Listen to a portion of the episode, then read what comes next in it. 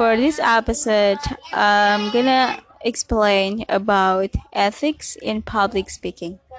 So why uh, ethics in public speaking so important? Because ethics in public speaking are guidelines, unwritten rules, or a code of conduct every ambition public speaker should master and observe. Even professional speaker, they have to master ethics in public speaking. Number one, to respect your audience. I mean, number one is how to respect your audience. To respect your audience, you need to, number one, show your humility.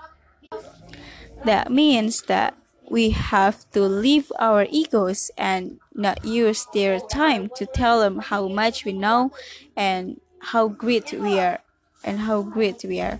But we need to tell them how we can help them. Number two is preparation. This is very important because if you didn't prepare, then you were disrespecting your audience and had no right to respect to them. So uh, that why preparation very important.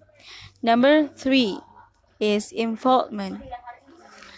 When when you ask uh, when you in speech, you need to ask them a question or give them and give them like story and also give them time to respond. Don't overwhelm overwhelm them with your material because they don't need it all. They won't remember it all and they won't thank you for for it. Number 4 is consi- consideration. The most disres- disrespectful things is when you just reading your slides. Like people can read it. So just explain what is what uh, is in your slide.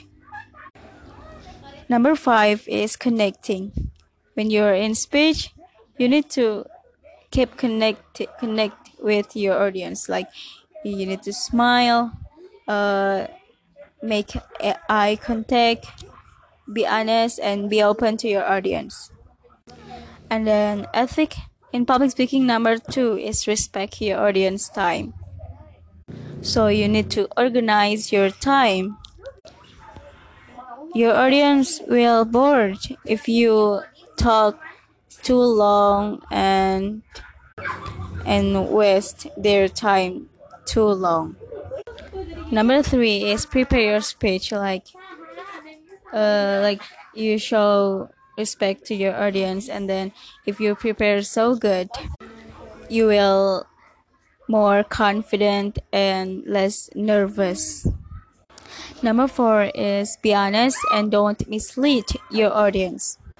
When you are pre- prepared you need to search uh, accurate information to deliver to your audience if you're not sure about the information so just don't don't deliver that to your audience. Number five is avoid plagiarism. Avoid using another person's work without permission. It's gonna be so good if you using your own work because this will builds up your credibility too. Number six is ensure your objective is is ethical. It means that you you have to make sure in positive event like your speech is to motivate people not to like promote terrorism or use of hard drugs or something like that. Number seven is be yourself. Everybody is unique. Even identical twins are different in some ways. So don't try to be someone you are not. Just be natural in your delivery. Because when you try to be someone you are not, your audience will notice and you will only look and sound fake to them. So that's all for me, and thank you for listening.